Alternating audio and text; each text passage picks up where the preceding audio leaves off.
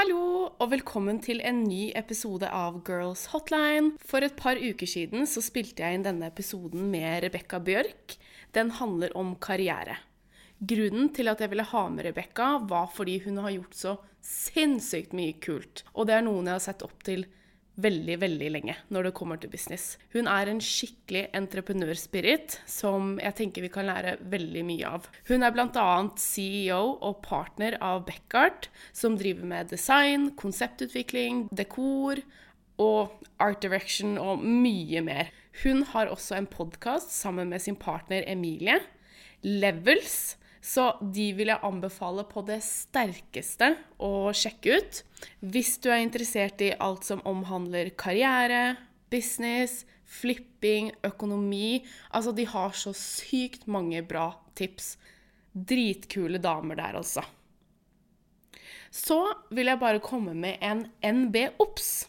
Lydkvaliteten er ikke kjempegod da Rebekka var på Bali når vi spilte inn, og jeg fikk ikke mikrofonen til å fungere. Så beklager på forhånd, men, men sånn er det noen ganger. Um, let's go. Håper du liker episoden.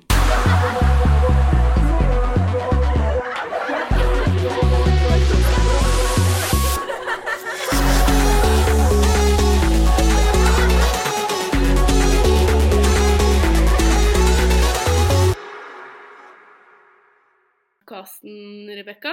Takk. Takk for at jeg får komme. Så hyggelig at du ville, ville bli med. Mm. Men jeg tenkte at eh, du kunne starte og så introdusere deg selv litt kort. Eh, ja, um, heter Rebekka, som du sa. Eh, jeg er 30 år. Jeg driver to selskaper sammen med min businesspartner Emilie til vanlig. Og driver også en podkast, faktisk, akkurat som deg, som heter Levo og vi snakker om det med investering, karriere, satse på egne drømmer, litt uh, work-life balance, hva som er viktig for oss, litt mål, og liksom, ja, hva vi har gjort. Egne våre erfaringer. Bortsett fra det, så um, er jeg jo fra Larvik, sånn som deg. Liker å reise, men jeg bor i Oslo. Så Oslo har jeg bodd i snart fem år. Nå må jeg bare tenke.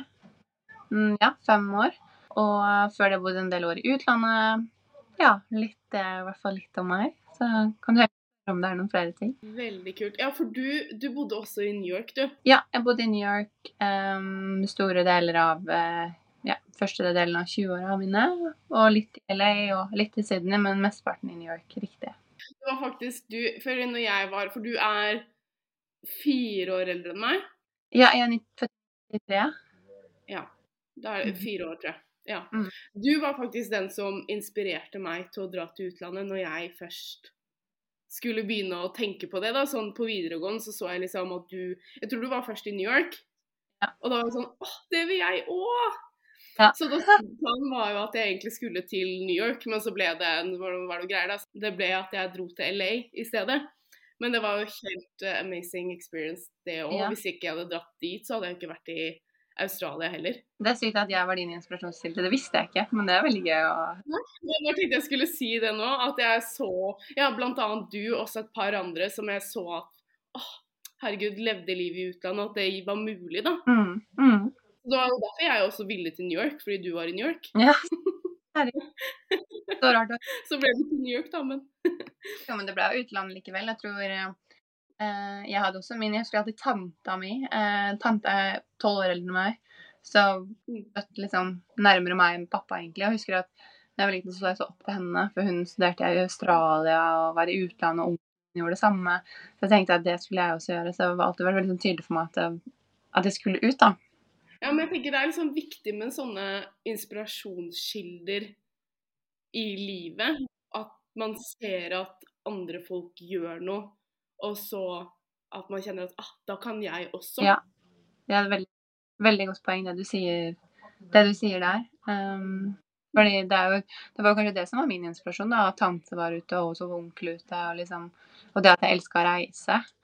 Um, og så kjente jeg meg liksom egentlig helt aldri det der å ville flytte til Oslo og studere. Uh, jeg ville studere, men jeg følte at jeg måtte ha noe mer da, enn bare de studiene. Noe annet enn Norge. Noe annet enn Norge. Og det hadde jo sikkert litt med om at jeg ikke helt visste hva jeg ville også. At jeg ikke hadde tydelig Jeg hadde ikke noen sånn drømmejobb, på en måte. Eller jeg hadde Det er feil å si, for jeg hadde veldig mange. Jeg hadde veldig, veldig mange jeg hadde lyst til å bli. Um, så jeg klarte liksom ikke å velge. Um, og så var det veldig mange av de tingene som jeg ville bli, som jeg ble fortalt at, at jeg ikke kunne bli, da. Og Var det av venner og familie og sånn, eller? Ja, det er jo ofte litt sånn. Jeg husker jeg driver drive med skuespill, f.eks. Jeg hadde veldig lyst til å jobbe med design. Jeg hadde lyst til å kanskje jobbe med TV, eller jobbe med TV. Jeg hadde lyst til å ja, mange sånne ting. Og så tenkte jeg at liksom, det var jo helt, helt, naturlig at jeg kunne gjøre disse tingene. Eller ja, interiørarkitekt husker jeg det var det første jeg hadde lyst til å bli. Og da husker jeg at ja, men det er veldig vanskelig å få jobb innen det. Og så ville jeg bli skuespiller. Det var sånn, det var i hvert fall ikke nå. Eller for jeg ville så gjerne uh, være skuespiller på TV. Um, fikk liksom barndomsdrøm. Liksom og så hadde jeg veldig lyst til å male. Uh, jeg elsket så lenge kanskje jeg kunne gå på kunstskole, men jeg hørte at det ikke var noe å leve av. Så jeg hørte at liksom alle de drømmene som jeg hadde ble liksom møtt av ikke motstand, men kanskje av eh, familie som var litt mer realistiske enn det jeg var. Da. Jeg var litt delusional. Jeg er fortsatt veldig delusional. Ja, ja, men jeg tenker hvorfor ikke, da, når du kan velge mellom å drømme og satse høyt og være litt delulu? Ja, ja. ja, ja 100%. Enn å hele tiden skal gå og være pessimistisk eller realistisk hele tiden, da. Ja, og så jeg tenker jo på en måte at det det du har oppnådd nå, har du, har kommet, du har kommet dit du er i dag ved å være litt i Lulu, da. Ja, ja, 100 ja. Og jeg hverandre hele tiden at, eh, at, vi er så delusional, men det får oss jo liksom, får oss jo steder òg, da, på en måte, fordi mm. vi er sikkert i en sånn eh, verden med at det kan vi få til, og så gjør vi jo som oftest det. Absolutt. OK, så jeg har et lite sånn introspørsmål. Nå har vi jo snakka mye allerede, men mm det er litt sånn gøy, for eh, du sa jo at du hadde mange forskjellige typer jobber du kunne tenke deg. Men hvis du kunne bytta jobb eller yrke med hvilken som helst person i verden for en dag, hvem eller hvilket yrke ville du valgt, eller hva ville du vært, og hvorfor? Ok, Nå må jeg tenke om jeg skal svare sånn politisk korrekt. Uh, svare sånn uh, drømmen igjen. Jeg skal svare på begge, begge, deler, for jeg føler at begge, ting, begge tingene er riktig. Jeg tror jeg ville valgt å være uh, enten president eller statsminister en dag pga. alt som skjer i verden nå. Og kunne tatt valg for menneskerettigheter. Um, jeg føler at det Ja, det er ingenting som har liksom trumfa det sånn i dag um, for, å, for, å, gjøre det. Men hvis jeg skulle sett på liksom sånn hva jeg ville gjort hvis jeg skulle levd et annet liv og hatt et annet drømmeliv, så ville det vært vært Da tror jeg jeg ville vært veterinær. Eh, fordi jeg er så glad i dyr. Eh, og så tenker jeg at eh, da kunne jeg gjort noen ja. ting for dyr, da. Som eh, Ja, jeg elsker dyr. Jeg tror, hvis jeg skulle valgt en annen studieretning eller jobba med noe annet, så skulle jeg gjerne elska å være veterinær. Kanskje for en dag. Kanskje litt sånn ville dyr. Og det er for hvis du hadde valgt den med president eller statsminister, da, så kunne du jo også gjort mye bra for dyra. Med tanke på dyrevelferd og sånn også. Men det å også jobbe sånn tett mot dyr også hadde jo vært veldig koselig. Sånn. Ja, jeg tror kanskje derfor jeg hadde valgt dyrlege. Og det kunne jo også vært kanskje sånn sykepleier også, fordi jeg syns det er så fint med menneskelig kontakt. på en måte. Den, der, den kontakten som du, du, får med dyr, da, hvis du er veterinær eller dyrepleier eller um, Sånn som, ja, eller sånn som hvis du hadde vært Erna Solberg en dag, så kunne du gjort veldig mange, mange, ting for mennesker, men du hadde ikke følt det på samme måte. Men du hadde jo tatt noen avgjørelser som hadde betydd så sykt mye, ikke sant. Mm. Vært typ president eller statsminister eller ja, veterinær. Det to veldig forskjellige ting. ja, men jeg tenker du også som meg har veldig mange sånne interesser. Som man mm. også ønsker, egentlig. Og det er det jeg skulle ønske man hadde sånn her at man bare kunne bli putta i en jobb for en dag og bare kjent på hvordan det faktisk er å være veterinær eller president ja. eller sykepleier eller uh, økonom, hvis det er noe man tenker litt på, da.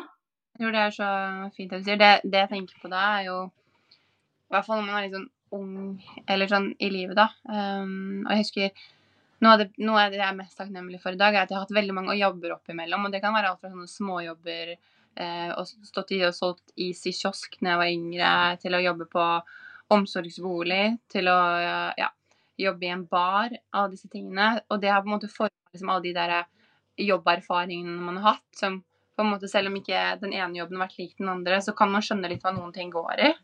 Og i man liker. Og det tror jeg er liksom veldig fint når man er kanskje ung i arbeidslivet eller mens man studerer, og tester litt sånn yrkesretninger eller ulike bransjer da, for å få litt mer sånn over, over hva man syns er ålreit og ikke. Og det man ikke liker, eller det man syns er ålreit, selv om man nødvendigvis ikke blir der, så lærer man så mye av de tingene. Jeg tror noen av de tingene jeg har lært opp imellom, er kanskje noen av de eh, i, i, de tidligste jobbene jeg har hatt. da. For du lærer kommunikasjon om mennesker og ja, om, om livet, rett og slett, i, i sånne jobber. Mm. Ja, og så tenker jeg all erfaring er jo god erfaring også, uansett. Mm. Absolutt.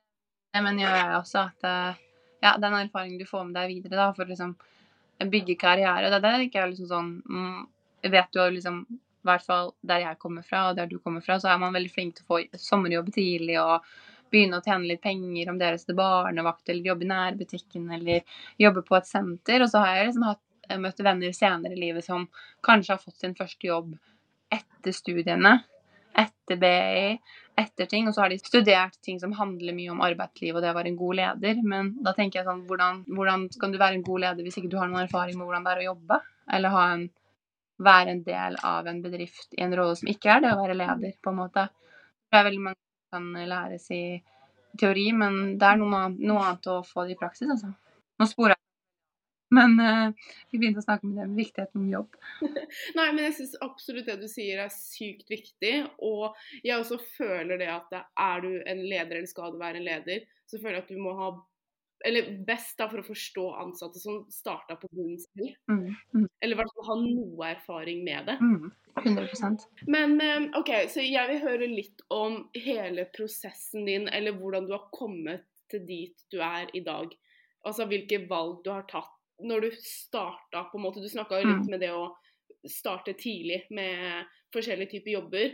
Men litt fra New York, litt fra der du studerte. Mm. Uh, har det vært med å påvirke deg der du er nå? Også? Jeg tror det viktigste uh, i hele prosessen med å havne der jeg er i dag, er at jeg alltid har tatt de valgene jeg selv vil ha. I tidlig i livet så var jeg veldig dårlig til å rådføre meg med andre. Uh, jeg var sånn Jeg kunne få råd og input, men jeg hørte ikke på det. Og jeg tror Kanskje det at jeg var litt bastant på at jeg bare dro til New York. Det var ikke så veldig positivt. Eller var, jeg fikk jo støtte når jeg gjorde det, men jeg møtte litt motgang på veien, og så skulle jeg dit, og så skulle jeg det. At jeg, jeg har hele tiden stått i mine valg, for jeg, alltid, jeg, jeg, er nok veldig drevet av det jeg har lyst til, og det jeg syns er morsomt. Så jeg har gått veldig hardt for det. Og jeg har vært veldig sånn trygg i de valgene. Så jeg har vært veldig sånn Hvis det er noe jeg vil, så gjør jeg det. Men da er jeg sikker på at jeg også gjør det 100% Jeg har, jeg har ganske god gjennomføringskraft. Sånn hvis jeg liksom bestemmer meg for at ok, det gjør vi, så, så gjør jeg det. Så jeg tror det har liksom vært det viktigste. Jeg har lyttet til meg selv. For hvis jeg hadde lytta til f.eks. mamma eller pappa da når jeg var 18, så hadde jeg sikkert bodd i Oslo og hatt en begynt på et studie som jeg ikke likte. Og det tror jeg aldri hadde skjedd. Så jeg har liksom alltid tatt mine egne valg. Og det var jo litt det som gjorde at jeg prøvde å finne litt sånn veien da, til videregående. At jeg visste at jeg skulle til utlandet. Eh, begynte med Australia. Jeg likte ikke så godt studiene, men jeg elska å bo i utlandet. Eh, og så ble det New York, som alltid var en sånn liten jentedrøm som meg og venninna mi hadde hatt. Men hun droppa New York, så tenkte jeg sånn, jeg må bare prøve. Jeg må bare gjøre det for Rebekka 10 år, Rebekka 13 år. Skylder, skylder å dra til New York et halvt år for å prøve, og så kan jeg studere noe ordentlig etterpå. Og da dro jeg til New York, og så kom jeg jo ikke hjem. Så ble jeg jo der. Og tenkte at det er her jeg skal bo, og det er her jeg skal studere. Og så må jeg på en måte bare skape meg et liv. Og så tenker jeg at det ordnet seg sikkert, og det gjorde det jo. Så da jobba jeg jo beinhardt for å Både med studiene og eh, med jobb ved siden av. Jeg var veldig heldig å kunne jobbe for et selskap i Norge mens jeg studerte der. Og jeg fikk liksom veldig smaken på, på, på en måte det jeg likte og ikke. Hva studerte du? Når du, de forskjellige stedene du var? I Sydney så studerte jeg engelsk, for jeg ville jo gjerne bli skuespiller. Så jeg studerte kommunikasjon og engelsk. Så jeg dro dit og skulle satse på det. Så tenkte jeg ok, men jeg kan ta det. Så kan jeg kanskje Pappa var ikke så fan av at jeg skulle flytte til New York, så jeg tenkte at hvis jeg flytter til London, som er litt nærmere, eh, så er det bra nok. Men når jeg var ferdig i Sydney, så hadde jeg liksom ikke klart å gi opp helt drømmen av New York. Um, og pappa ville veldig gjerne at jeg skulle studere noe mer eh, ordentlig, eh, som han kalte det. Og da fant jeg ut at de hadde ordentlige studier i New York. Halvtårsstudier. Da kunne man studere eh, fashion management og entreprenørskap eh, og ledelse. Da dro jeg hjem og sa at eh, men la meg dra til New York, og så skal jeg studere, prøve meg på liksom noe økonomi og ledelse. Skal jeg se om det er noe for meg. Og så Men da må jeg gjøre det i New York. Og da fikk jeg jo liksom støtte medbind med at ok, greit, det, det hørtes jo bra for nå skal du studere noe ordentlig fag. Og det var faktisk ikke så veldig dumt, da. Eh, jeg, fikk, jeg dro egentlig til eh, New York for å få opplevelsen, men jeg likte veldig godt studiene også. Jeg likte egentlig veldig godt businessstudiene, for jeg har alltid vært veldig, veldig glad i skole. Jeg elsker skole, selv om jeg har alltid vært veldig, veldig kreativ, så jeg har alltid elska matte, og jeg elska naturfag og sånne ting. Og da tenkte jeg at vet du hva, kanskje jeg skal For at jeg skulle Da var liksom målet mitt litt at jeg skulle være i New York og studere, ta meg en god utdannelse som var international mm, business.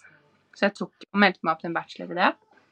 Og så gikk jeg litt på teaterskole i tillegg, så jeg fikk liksom utfolda meg litt der. Mm, men det var egentlig den business-sida av den graden der som jeg syns var veldig gøy. Jeg syns det var gøy med økonomi, jeg syns det var gøy med finans, jeg syns det var gøy med ledelse, jeg syns det var gøy med entreprenørskap. Og så tenkte jeg at det er jo alltid veldig lurt å ha også, så jeg syns det var både gøy, og jeg tenkte at jeg kan få brukt det til noe. Og så, mens jeg var i New York, så var studiene tok liksom ende, og man kunne få seg en jobb. Da fikk jeg min første kontorjobb, um, som jeg hata. Det var litt bare for å kunne få visum et år til og bli der. Og det var, er, er, det det de kaller liksom corporate America? Uh, ja. Um, jeg var ikke designa veldig for corporate America, i hvert fall ikke den jobben. Det er ganske vanskelig si, å finne seg en jobb eh, når du vet at du kun har ett år. Så det er ganske vanskelig å få selskaper til å ansette noen, så de tar liksom, utnytter deg litt. Men um, jeg fikk meg et jobb um, med noe som drev med liksom, shipping av vin og sånn. Så jeg skulle sitte og føre ordre i et Excel eh, Det var ikke Excel, men det var et sånn software-program som så ut som ikke var opp, oppdatert siden 1999, eh, liksom. Så um, det var ikke noe for meg. Altså, Jente med ADHD og sykt rastløs, sitte på et kontor og plotte tall. Jeg husker allerede første dagen på, um, på jobben, så tenkte jeg at uh, jeg håper det blir bedre i morgen, liksom. Det var det første som slo meg. Jeg tror jeg aldri har hatt det så kjedelig på en jobb noen gang. Så tenkte jeg at jeg måtte bare holde ut litt. Jeg holdt ut nesten tre måneder før jeg sa opp. Og da ble jeg servitør. Um, og tjente så mye bedre. Jobba så mye bedre. Så tenkte jeg bare jeg kan gjøre det mens jeg finner ut av hva jeg vil. For da hadde jeg jo så lite tid i USA. Og det var da jeg fant ut skulle relocate til LA. Fikk en jobb eh, der. Jeg kunne jobbe med markedsføring. Et nytt selskap. Og det var da jeg fant ut at liksom, ok, nå har jeg fått reflektert litt hva jeg eh, ikke vil gjøre, i hvert fall. Og jeg har skjønt at jeg må jobbe med noe som er kreativt, noe jeg liker.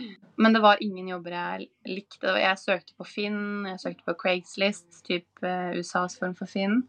Jeg fant ingen jobber, jeg tenkte på ingen bransje jeg ville i, og det eneste jeg likte å holde på med, var Jeg likte å male, jeg likte å lage ting. Jeg likte alt som så bra ut. Jeg likte liksom kunst, jeg likte um, fashion, jeg likte film. Altså, sånn, jeg likte veldig sånne gøye ting. Og så tenkte jeg hva skal jeg gjøre som har studert business? Så liksom ingenting av det jeg studerte, passa sammen med det jeg egentlig ville gjøre. Og jeg hadde fortsatt lyst til å jobbe med interiør og design og disse tingene. Uh, og da dro jeg til LA for å jobbe da, siste halvåret mitt i USA. Og da møtte jeg uh, Fikk jeg en roommate her som var fra USA. Som gjerne ville starte et selskap. Og det var liksom første selskapet jeg starta, starta jeg med henne. Det var et um, fashion management produksjonsselskap som vi starta ut av LA. Som var sånn, Da fikk jeg veldig veldig sånn smaken på at det å på en måte starte for seg selv Og vi klarte å starte opp i USA. Og det gikk bra. Vi booka, altså sånn, vi booka jobber i hele verden. Uh, vi jobba sånn i en veldig sånn snever sånn moteindustri, fashionbransjen. Men det var veldig kult å kunne være med på noe. Jeg fikk jobbe så mye kreativt. Jeg fikk jobbe med det kanskje var god på, da, med, liksom, med design, lage sett, design, ting, ting som jeg faktisk gjør i dag.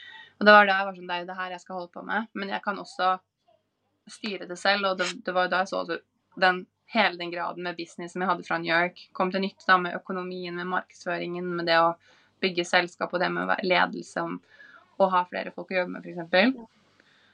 Og det var liksom starten på det å være på en måte gründer. Å starte sitt eget selskap. Det liksom kom ut av ut av det halvåret i LA, da.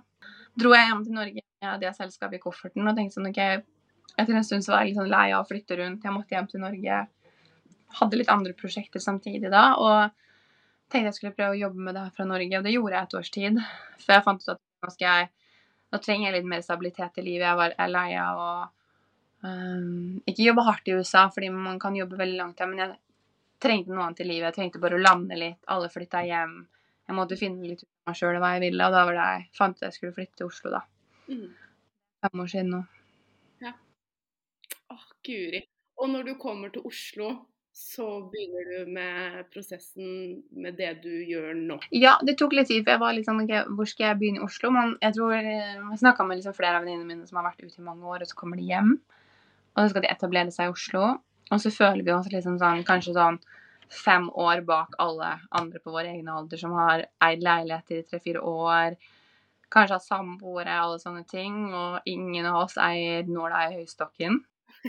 Masse erfaring og hatt det sykt gøy. Studielån på en halv mil hver, liksom. Men angrer ikke et sekund på det. Så er det sånn, ok, hvor skal man begynne, og hva skal man jobbe med? Og så setter jeg meg ned og begynner å søke på Finn igjen for å prøve å finne en jobb, da.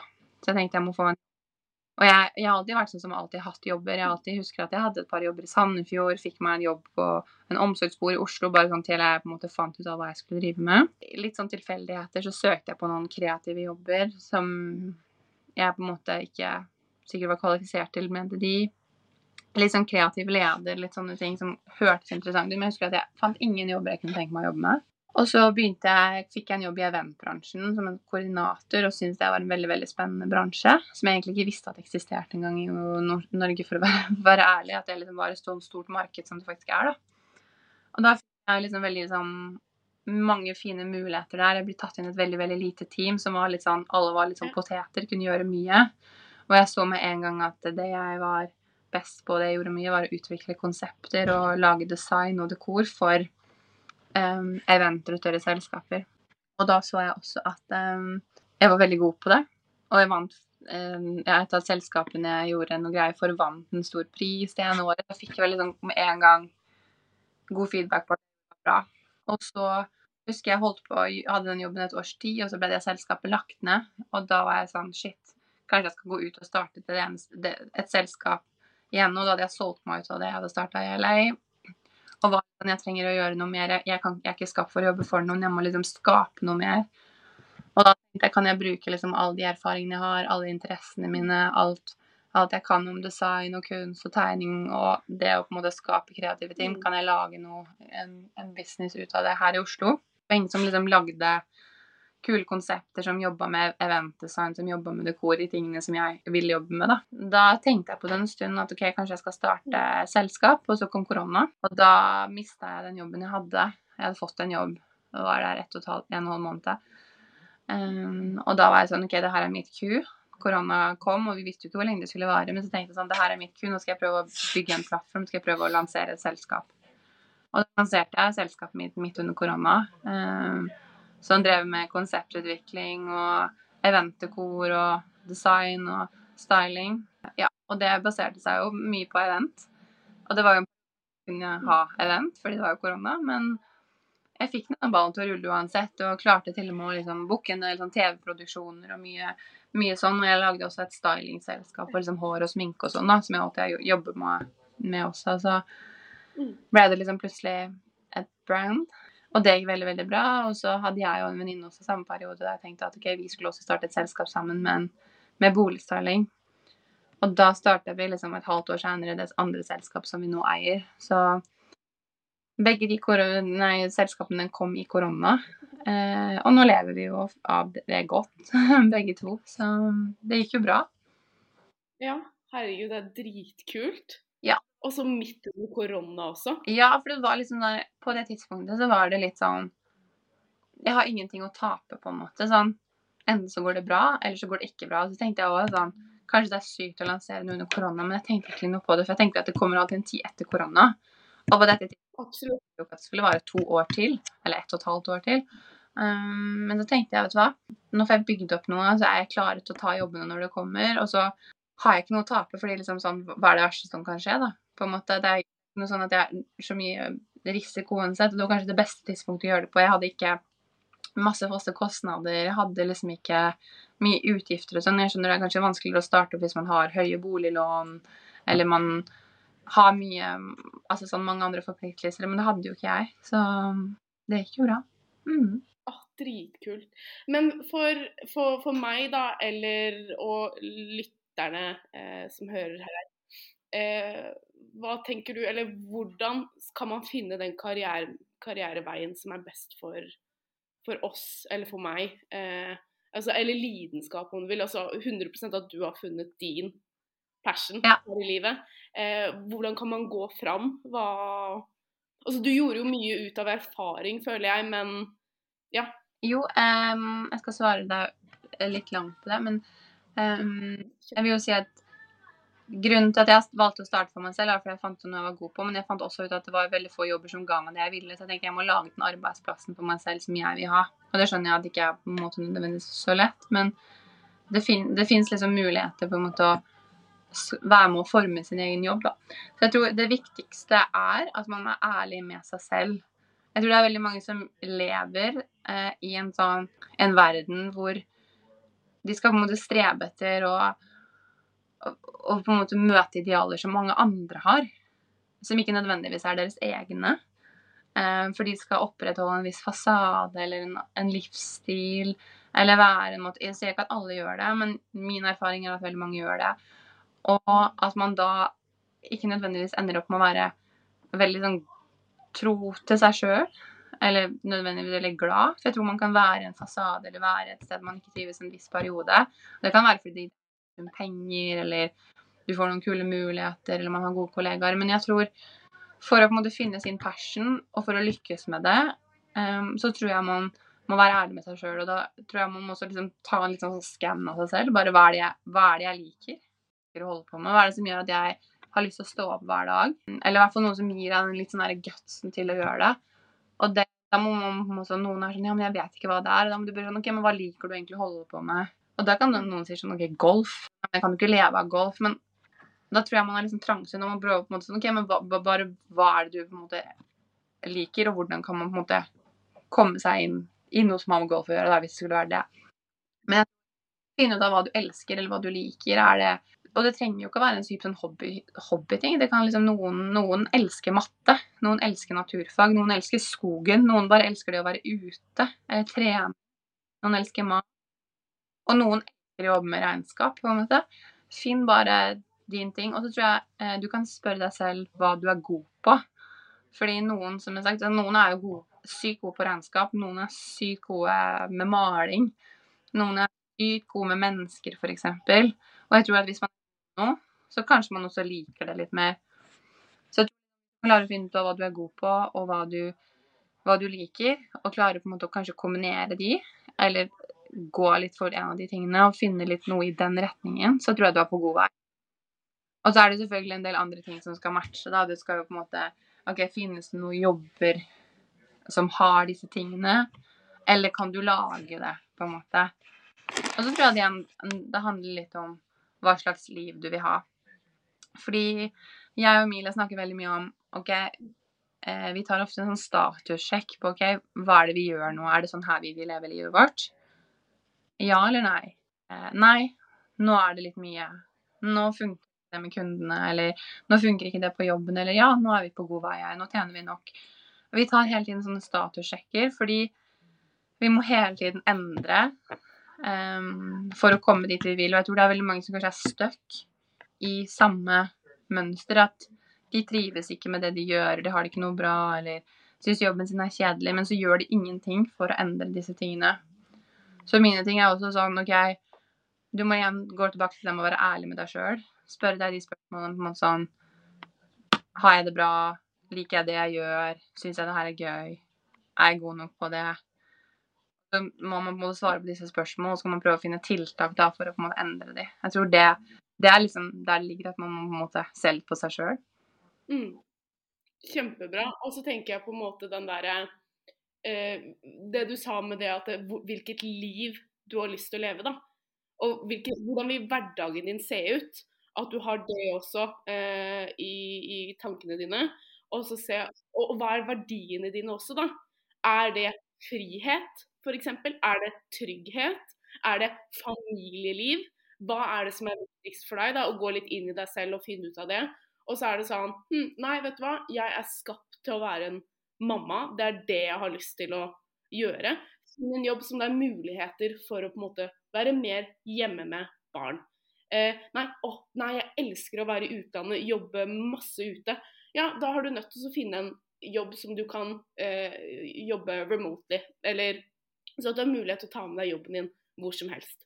Jeg tror det er så godt poeng det du sier der, for, og jeg tror at de verdiene skal også endre seg. Og jeg tenker at kanskje når man er i tidlig 20-åra, 30-åra, så kanskje det er frihet som er viktigst. At man vil ha fleksibilitet. Men så fort man får barn, så er det mer trygghet.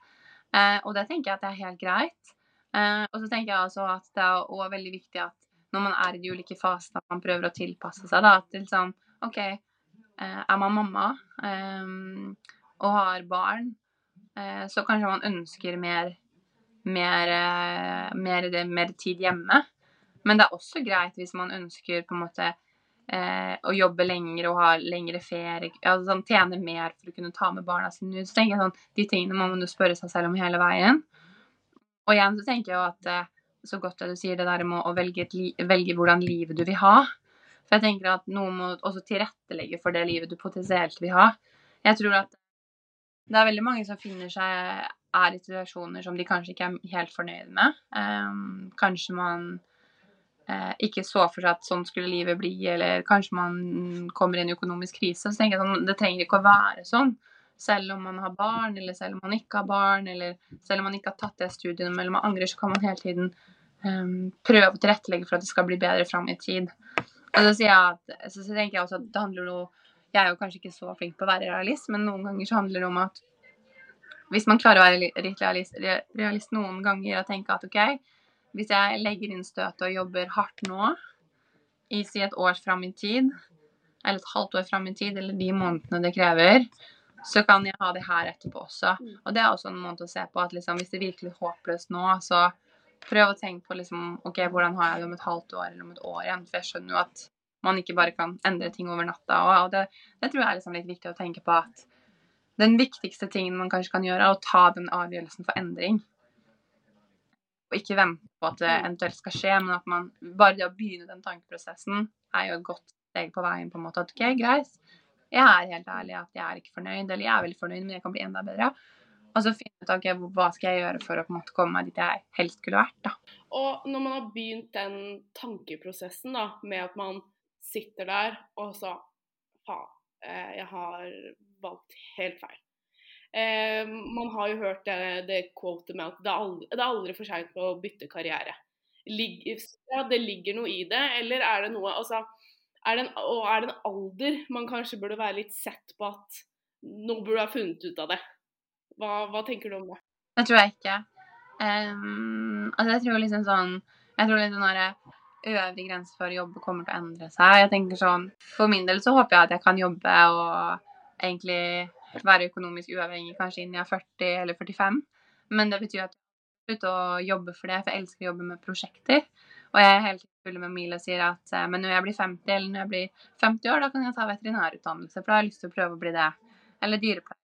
Det er aldri for sent, for jeg tenker at man har jo ett liv, så vi må på en måte prøve å makse ut mulighetene våre så mye man kan. Og det kan jo at noen går gjennom livet og er fornøyd med det med én ting hele veien. Men jeg tror at jeg sier til meg selv at OK, men hvis jeg gjør dette nå, og så kanskje når jeg er 40, eh, så har jeg oppnådd dette, og så når jeg er 50, så kan jeg gjøre dette, så gjør jeg meg også slags Ja, men jeg skal gjøre det, bare ikke akkurat nå. Man er kanskje litt sånn som oss to, da, som har lyst til å gjøre 100 ting på en gang. Så jeg har kanskje hodet mitt litt sånn pause med å tenke at ok, Rebekka, nå kan du fokusere på det her. Du har disse to firmaene, du har podkasten som skal gå bra. Det her skal få all fokuset nå. Det er kjempegøy å holde på med. Og så vet jeg at du har ti andre ideer som du kan acte på, men ikke akkurat nå. Og det er jo liksom um, en ting med at jeg tror man aldri blir for gammel. Jeg tror det aldri er for sent. Uh, og jeg tror det, synes det er helt nydelig at man, at man kan endre. Best, uh, Bestevenninna mi, pappaen hennes, tok uh, ny utdannelse nå. Han er liksom 50 år, akkurat uh, utdanna seg til psykiatrisk sykepleier, f.eks. Og jeg tenker at det er helt fantastisk. Gå fra å være til å bli psykiatrisk sykepleier. Altså, jeg syns det er helt fantastisk. Eller vernepleier, ja. I hvert fall ny, nyutdannet. Ja, kjempekult. Um, men hvordan Ja, når man starter å gjøre den endringa, da, liksom hvordan, hvordan gjør man det? Det starter i hodet, og så Men det er så mange som ikke klarer det. Hva er greia med det? Altså, på en måte, du har, og jeg tror Vi er jo ikke de eneste som har mange tanker og ideer, men hvordan acter man på det? Er det et personlighetstrekk, eller er det frykt?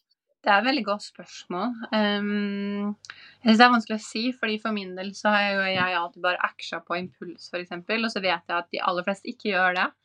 Um, det som jeg syns er sykt fint i dag, da, er at vi har ganske mange hjelpemidler. på en måte, For det begynner jo i hodet. Det må jo begynne med en idé at man har lyst til å gjøre noe.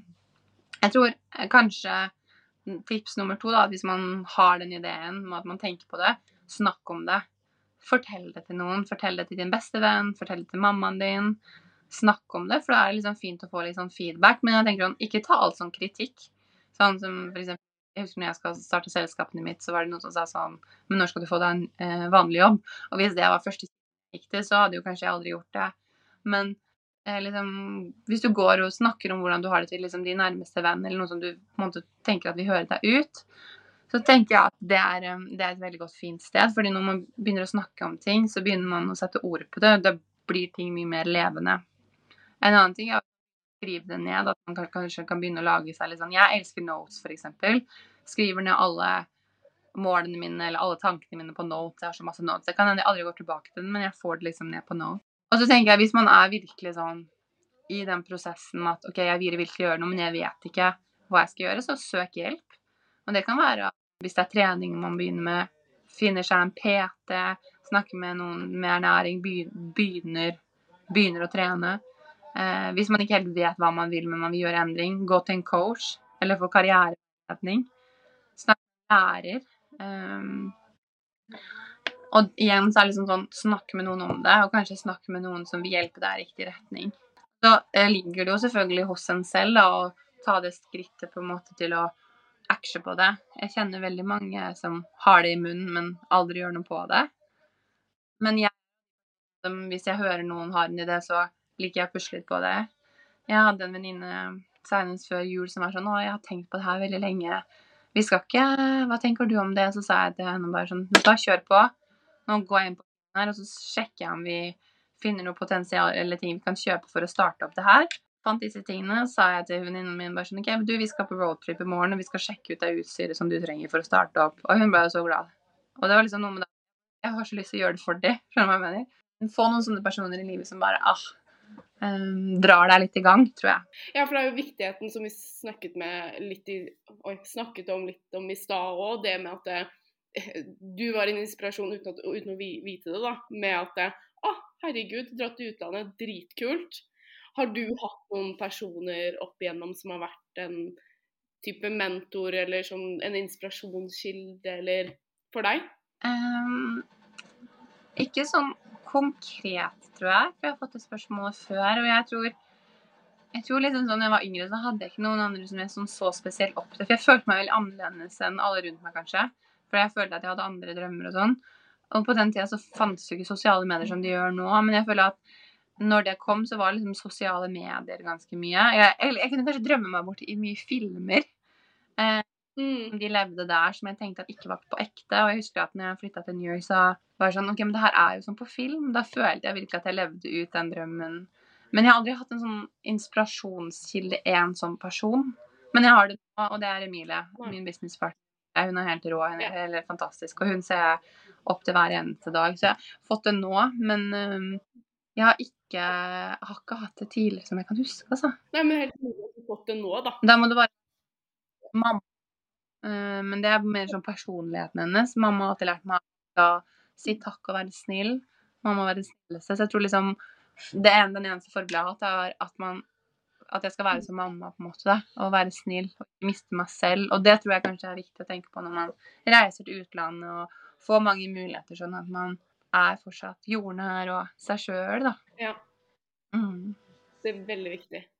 Eh, og, men nå som du har funnet din drømmejobb, mm. eh, og kanskje det varer i noen år til, eller kanskje du bytter om og har flere ideer, men altså uansett. Men så blir det jo mye jobb. Veldig mye jobb. Eh, og så, jeg merker det med meg selv og podkast at det gir meg veldig, veldig, veldig mye energi også. Så det blir gøy å holde på med.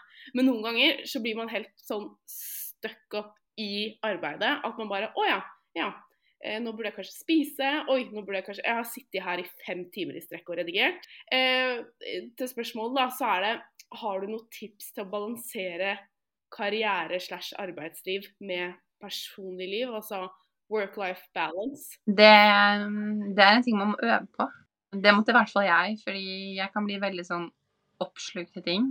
Sånn som du sier, da. Kjenne meg igjen i å jobbe fem timer. Men um, jeg tror det å dyrke hobbyene sine og interessene sine er veldig Og det å ta pauser. For jeg tror um, det er veldig vanskelig når man starter opp, fordi man må hele tiden kanskje være sånn 100% tilgjengelig. Jeg tror kanskje nå, år tre at Nå er jeg på ferie, faktisk. Nå er jeg på Bali nå. At jeg klarer å liksom legge fra meg eh, telefonen og ikke være på jobb hver eneste dag. Det er helt uvant. Fordi det er noe med at det er barnet ditt òg, på en måte, og du har mye ansvar. Mm. Men jeg vet at når jeg gjør det, så presterer jeg mye bedre også. De gangene jeg får tatt en pust i bakken Jeg elsker å holde på med aktiviteter som å seile, um, henge med venner, gå ut og spise. De tingene der er så viktige. Jeg tror at man gjør en mye bedre jobb eh, hvis man tar pause.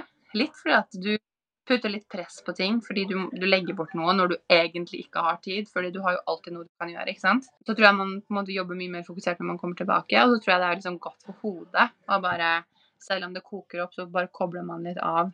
Så jeg tror selv om du egentlig ikke har tid til å ta fri, så må du tvinge deg selv ganger. Og det er en ting jeg har måttet øve på, i hvert fall. Det er bare OK. Det er helt greit å ikke jobbe fra fem resten av kvelden innimellom. Noen ganger må jeg sitte og jobbe til ti og tolv, men det er helt klokka klokka fem og tar det dagen etter. Stort sett så er det noe som ikke brenner. Fordi har man jo prosjekter sånn som pågår, og da vet du om det. Men det å ikke jobbe en hel søndag, det er helt greit. Det er helt greit. Og så er det helt greit å på en måte Det er liksom Man må akkurat som man tenker at ja, men jeg jobber for meg selv, det er helt greit å sitte oppe til klokka ti og klokka tolv. På samme måte på en måte koble av, da. At det er viktig. Ja, 100% For det blir sånn, og i hvert fall når man har Du har jo en jobb og en hobby ganske sånn eh, smash together, holdt jeg på å si. Og og da, ja, at man liksom man, man, gjør jo det man elsker å drive på med. Og da er det så viktig å ta de pausene, da. Og dra på trening, møte venninner, dra på en ferie uten telefon og sånne ting, selv om det er kjempegøy, da. For man vet jo aldri, altså plutselig, selv om det er noe som er kjempegøy å holde på med, så har man jo fare alltid for å bli utbrent, da. Og da får man i hvert fall ikke gjort noe. Nei, og det er, det er så godt det du sier det er, fordi eh, jeg tror nok, Jeg er nok født med noen ekstra energi, noen ekstra batterier, men jeg tror jeg nok har vært ja, nær på å være utbrent noen ganger, og så har jeg ikke vært blitt det. Men jeg tror man må passe på det. Helsa si kommer først, på en måte. Og det er ingen jobb, ikke for seg selv engang, som er verdt å jobbe seg i hjel for. Og det er jo kanskje det som er fare med å være gründer og starte for seg selv og gjøre mange ting, at man brenner litt lys i begge endene. Um, og det tror jeg er liksom sånn Skulle ønske at jeg visste det når jeg starta, så gjør man jo ikke det, for det er jo så innmari gøy å holde på sånn. Men er det, det er noe med det at når ting blir slitsomt og man blir utbrent, ikke får noen pauser, så blir det ikke så gøy lenger. Og det er jo, man skal jo gjerne holde på med det her, sånn som du sier, da, i flere år og i lang. Og da er det viktig at man også på en måte finner den derre balansen. Um, en ting som Emilie har vært veldig god på å lære meg, er noe med å jobbe bærekraftig og jobbe smart. At eh, når man er i en oppstartsfase, enten det er i jobb eller i karriere, så er man veldig sånn Man gir alt og kanskje gir litt for mye. Men man man, det er noe viktig å tenke på liksom, Jobber man smart nok nå, er det bærekraftig i lengden? Fordi, og det tenker jeg som ansatt og i hvilken som helst karriere, at det, for at du skal prestere godt i jobben din, så skal du prestere over lang tid. Og hvis du jobber deg i hjel, eller jobber for mye, så holder det ikke i lengden. Da. Og det er noe på det. Verken du eller arbeidsgiver eller Ja. Nei. Og da spiller det ikke noen rolle hvor stor lommeboka blir, fordi Da har du jo ikke noe gøy å bruke det på, da. Nei. Du har ikke På en måte. Og jeg ser jo så mange, og har hørt så mange, som du, du er pensjonert da. og så har du ikke helsa til å gjøre de gøye tinga, da. Det tenker jeg jo er en Altså sånn Noe med Skal man drive med det som er gøy og er passionen sin, hvis det krever at du jobber 20 timer om dagen? Eller er det bedre da å jobbe i et selskap fra ni til fem, ha helgene fri, ha kveldene fri? Det er ikke så dumt, det heller. Og det tror jeg skal, man skal være viktig å, det er viktig å reflektere på. Det tror jeg i vår podkast som jeg og Emilie har, så prøver vi å snakke veldig mye med det der å være gründer, både, for, både liksom positive siden og baksiden ved det, og det om karriere velger riktig. Igjen, hvilket liv vil du ha, da, på en måte. Jeg- tror, Der sier du noe kjempelurt nå, for jeg tror med sosiale medier da, nå, så ser vi så sinnssykt mange gründere og folk som eh, lever et skikkelig kult liv, da, som man bare Mm. ser på sosiale medier. Eh, nå, nå ser vi jo ikke alltid baksiden av medaljen heller, da, men da sitter Nei. man der, og så er man kanskje lærer eller sykepleier, jobber i butikk som jeg gjør, og så sitter jeg der og så bare Åh, de er hele tiden ute og reiser, og jeg skjønner ikke hvor de får pengene fra. De er, så, altså sånn, de er sånn og sånn og sånn. Men så tror jeg det er viktig å eh, hvis, man, hvis man går helt inn i seg selv og tenker Men, men er Altså, de jobber sikkert mange, mange, mange timer om dagen som ikke vi ser. Det er en stor bakside her. Så jeg tror det er veldig viktig, Mm. også så, som du sier, da, at eh, ni til fem er fortsatt en veldig god arbeidstid med fri i helgen.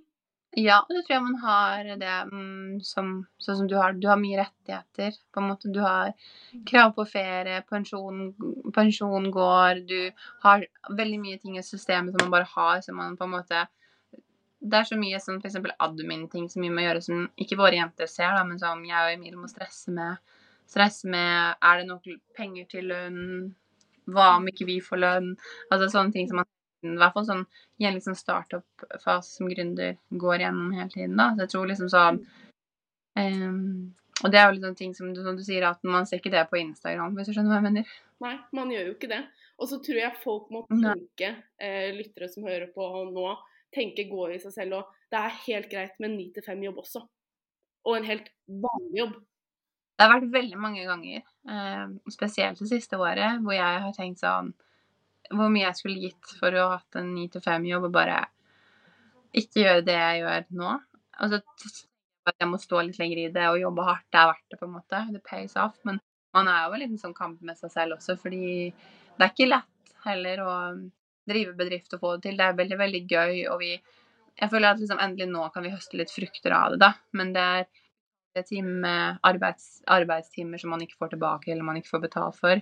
Men så da er det liksom kjempe, kjempegøy. Så det er en veldig sånn kombinasjon der, og det tror jeg også er veldig godt det du sier, at mange lever drømmelivet og promoterer ting på både TikTok og Instagram. Det samme gjør jo jeg, men man poster ikke kanskje de gangene man sitter og gråter, eller man er stressa, eller altså sånn Det er veldig mange ting som kommer der, så jeg tror man også må tenke på det, da, på en måte. Det er vanskelig å forstå eh, også. Men eh, det er også igjen sånn hvis man vurderer å følge drømmen sin, eller um, om det er å ta et type studie, dra til utlandet, starte en bedrift, eller få en jobb. Snakk med noen som er liksom i samme situasjon, bare for liksom OK, hvordan er egentlig det livet, da? Det tror jeg du skal få ganske ærlig svar. Ja, det var veldig Ja, faktisk finne folk som Det også er lurt, da. Finne folk i den eventuelle bransjen du har lyst inn i, og spørre de hvordan ser livet ditt ut? Er det sånn som det ser ut på sosiale medier? Så kan du spørre er det sånn? Så kommer han eller hun og sier du, vet du hva, det er sånn, men det er også veldig mye bra. Mange timer med gråt og stress og frykt og panikk bak det. Eh. Så Og det, det er det mange som ikke sier, holdt Mm. jeg på å si. ja, det er jo så. Dere er jo også flinke til å snakke om i podkasten deres, da. Eh, litt av baksiden også, så det er jo kjempefint. At man er åpen og ærlig der, da. Ja. Um, hvis du kunne gitt ditt yngre selv, Rebekka, ti år, ett eneste råd angående karriere, hva ville det vært? Jeg ville ah, Jeg ville sagt så mange ting. Um, men jeg ville sagt Du må ikke bare gjette, altså. Det, Håp for deg selv og ha beina. Mm. Og så kommer du til å klare det du setter deg for. Altså sånn, du kommer til å klare det du ønsker å oppnå. holdt jeg på å si. Du kommer til å finne eh, Og det kommer til å bli bra. Jeg tror jeg ville sagt det, at det kommer til å bli bra. Og så har uh, Og ikke Ja. Det, ja, jeg tror det. Mm. Det er det. Mm. Eh, og så lurte jeg på eh, For jeg har også hørt mye, jeg har hørt- mange andre podkaster også, eh, med litt sånn tanker om utdanning. Eh, og at folk er sånn Nei, nei, nå trenger man ikke utdanning noe mer. Det er ikke noe vits. Det er bare å altså, Du kan lære så mye online, og det er kursing og eh, jada jada, så ikke bruk penger på det. Eh, er utdanning verdt det, eller kan man komme langt uten? Um, altså Jeg vil jo si at ehm, jeg er nok litt sånn splitta der. For jeg tror at eh, du kan komme veldig langt med utdanning. Jeg tror eh, Og du tror du kan komme veldig langt uten. Jeg tror eh, utdanning gir deg superbra fundament og grunnlag for veldig mye. Jeg tror Um, du kan lære masse fag. du får en sånn forståelse for ting. Det er jo mange fag jeg har på skolen som gir så mye mening nå, når jeg driver business. Um, og jeg tror utdanning i spesielle yrker som lege altså sånn, Så er man på en måte ja. Og så tror jeg det er veldig ting eh, som du kan lære. Det har vært igjen da, min utdannelse, så er det veldig mange fag jeg bare tenker at det kunne jeg helt klart meg uten. Og jeg tenker at det er kjempemange eh, som kan lære ting i praksis også. At man kan jobbe seg oppover. Jeg synes det er litt sånn synd at det, de som nødvendigvis ikke er veldig skolesystemer designa for, for de er ikke alle, at de må på skolen og passe inn i et system, og så er de egentlig kjemperessurssterke og flinke folk, men så sliter de med så sliter de med måte kanskje å komme inn på studier og sånn. Og så mister man flinke folk til det. Jeg tror absolutt ikke at uh, utdanning er relevant, relevant, for alle, eller nødvendigvis uh, trengt i alle jobber. Men en eller annen form for arbeidstrening Mm. tror jeg kan være lurt. Absolutt. Og jeg tenker også det med utdanning, da. Hvor mye glede, i hvert fall jeg hadde, under studieløpet mitt, da. Med tanke på du lærer å bli kjent med nye mennesker, kommunisere bedre, skaffe seg venner, skaffe seg et nettverk. Og bare og selve opplevelsen med en utdanning er jo så mye mer enn det papiret du får til slutt også. Det tror jeg det var et kjempegodt eh, poeng, Amalie. Og jeg er helt enig. Jeg tror det beste med mine studier er på en måte livet, som du lærte rundt. At du får tre år til å tulle, til å være student, knytte kontakter og der, jobbe sammen og sånn. Så jeg tror ja, kanskje det viktigste med min utdannelse er alt det rundt. Jeg har vært mer enig, det, enig med deg enn det. Så det er liksom Det er absolutt en god ting med utdannelse, men, men vet du om noe du tenker at du har lyst til å bli som ikke krever det, f.eks., så er det jo ikke vits å bare Og det er mer den der, det er jo kanskje ikke vits å starte på noe man egentlig ikke har lyst til. Nei. Det er vel det man også mm. Og det føler jeg at det er veldig mange som gjør i dag. At de starter på det foreldrene mener er bra, eller tenker at det er lurt, så de masse, masse penger på det. Da tenker jeg det er heller fint å gi seg litt tid, jobbe et år, eh, vokse litt, dra på folkehøyskole, dra ut i verden og reise, gjøre andre ting. Og starte et studieløp du ikke er så innmari keen på. Jeg hørte at det er, det er liksom veldig få jeg har hørt som har begynt på et studie som de egentlig ikke ville, og så likte de det. Det er heller motsatt. Skjønner du hva jeg mener? Mm, mm, absolutt. Og så vil jeg bare legge inn her, for jeg hadde en soloepisode her eh, rett før nyttår eller noe, og da hadde jeg, jeg kommet opp med en teori okay. om, eh, om karriere, da. Eller hva som skal til med et, eh, for et godt arbeidsliv. Mhm. Eller karriere, da. At det er liksom noen ting som må på plass. Ja. Og da er det Det er lønn. mm. Er jo absolutt super. Altså, grunnen til at vi er eh, på jobb eller skal jobbe, er jo for å bli utbetalt i lønn. Mm. Og så har, vi, har du gode kollegaer. Det er alfa Mhm. og omega. Hvis det er noe du liker, ellers er det mange som liker å jobbe for seg selv òg. Det er jo fair, det. Ja. Og så tenker jeg eh, mange har den derre den mening med jobben, at du våkner opp og tenker 'nå skal jeg på jobb'. Og det tenker jeg spesielt leger ofte kanskje kan kjenne på. da, Mm. Den meninga med jobben. Eh, og så har jeg en siste, og det er at det må være gøy. Mm. Mm. Mm. Det er liksom mine fire. Det er liksom de gylne reglene jeg har hvis jeg skal se etter en jobb eller noe jeg skal skape, da. Er det noe du kunne tenkt å legge til i min teori? Um, det var skikkelig godt. Eller Ja. Jeg syns det var en skikkelig fin formel, faktisk. Eh, jeg ser det for meg i hodet. Det ser skikkelig bra ut. Godt eh, resonnert. Um, du sier lønn, du sier kolleger, du sier mening, og du sier at det er gøy. At det blir gøy. Ja. Kanskje én ting, og det er utfordring. At eh, Ja. lære noe. Jeg tenker at eh, Det kan jo gå sånn hånd i hånd med kanskje det med mening, da, men jeg tror at eh, en jobb må gi deg litt utfordring. Eh, eller noen motstand, noen problemer å løse. Tror jeg, da. Jeg tror at det kjeder veldig hvis ikke jeg hadde Mm.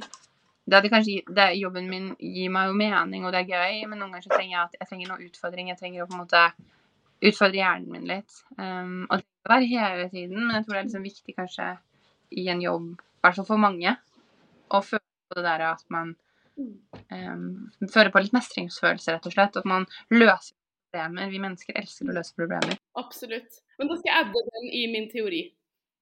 Ja, jeg vet ikke, er du enig? Hva tenker du? Ja, nei, men jeg er helt enig eh, med det du sa. Utfordringer er jo dritviktig. Og det er jo det at ehm, Jeg tror man kan gjøre liksom mye av det, men man trenger litt sånn derre ah, Og da føler Jeg vet ikke. Det er noe med igjen å gjøre, ikke sant? Og eh, motivasjon til å gjøre det bedre og kanskje tjene mer penger. Altså sånn lønn igjen.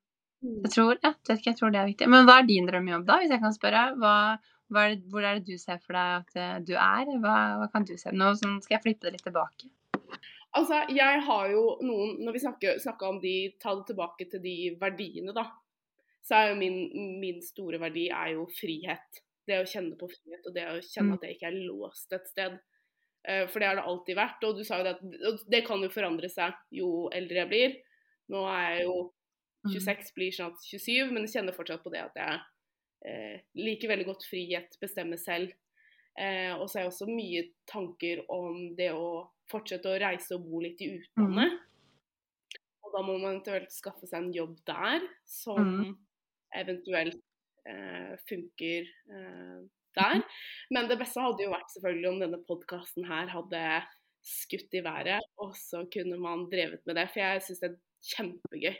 Ja, det er veldig gøy. Og du er veldig flink nå. Jeg, Tusen glemte å Kjempegøy å høre på. Å nei, tusen takk. Herregud, så hyggelig å høre. Å, herregud, så gøy. Ja, du er flink, da. Så gøy. Men det blir veldig spennende å se hvor du, hvor du hva du gjør, eller hva som skjer over de neste åra. Det er mye som kan skje på et år. hvordan man ender opp, hva man ender opp med å gjøre. Ja. Og det er jo de Altså, så lenge man har en hverdag man trives med, så er jo det det viktigste. Ja, det er det absolutt viktigste. Eh, Jeg tror liksom sånn at, at man har det bra i livet sånn generelt, og at man er sunn òg, tror jeg er liksom viktig. At man har god helse og Ja. Absolutt. Herregud. Men jeg tror vi Hvor mye er klokka i Bali nå? Klokka er ti, men jeg har vært oppe siden fem til morgenen i dag. Litt før. Jeg tror vi skal runde av, men jeg, jeg vil bare avslutte med Eller vi skal avslutte med ukens hottetips. Ja! Har du et hottips? Det kan være hva som helst. Eh, Min, mitt hottetips er å følge drømmen sin. Følg drømmen din. Følg drømmen din. Det er kanskje delusional, men følg drømmen din. Du gjør det du Hva skal være mitt hottetips? Mm, jeg vil egentlig bli med på den, og, og jeg vil egentlig bare si at man må bare være delulu, jeg. Ja, ja, Det er mitt hopp. det støtter jeg også. Ja. Du kommer langt, altså. Ja. Og det er noe joke. Men det var så gøy å være med og prate om karriere. Føler jeg eh, babla hull i hodet på deg, holdt jeg på å si. Og bare Nei, men det er kjempebra. Jeg elsker det. Jeg, det er du som liksom skulle være fokus her, så det er helt nydelig. Veldig gøy. Jeg gleder meg ja, til å følge alle episodene og føre på gjestene som kommer, og ja. Ja. Hente tid. Veldig spennende. Ja. Mm. Nei, men så gøy. Og spennende å, følge med på deg også. Du er jo så flink. Det er jo så kule konsepter og sånn du kommer med, og Vi prøver. ja, dere er dritflinke. Er gøy. Men da skal jeg logge av, og så um, Det gjør vi. Da får du kose dere masse i Bali. Og var det Filippinene du skulle på neste? Ja. Ja. Herregud, gøy. Nyt. Det skal vi gjøre. Tusen takk. Ha det. Ha det. Thank you.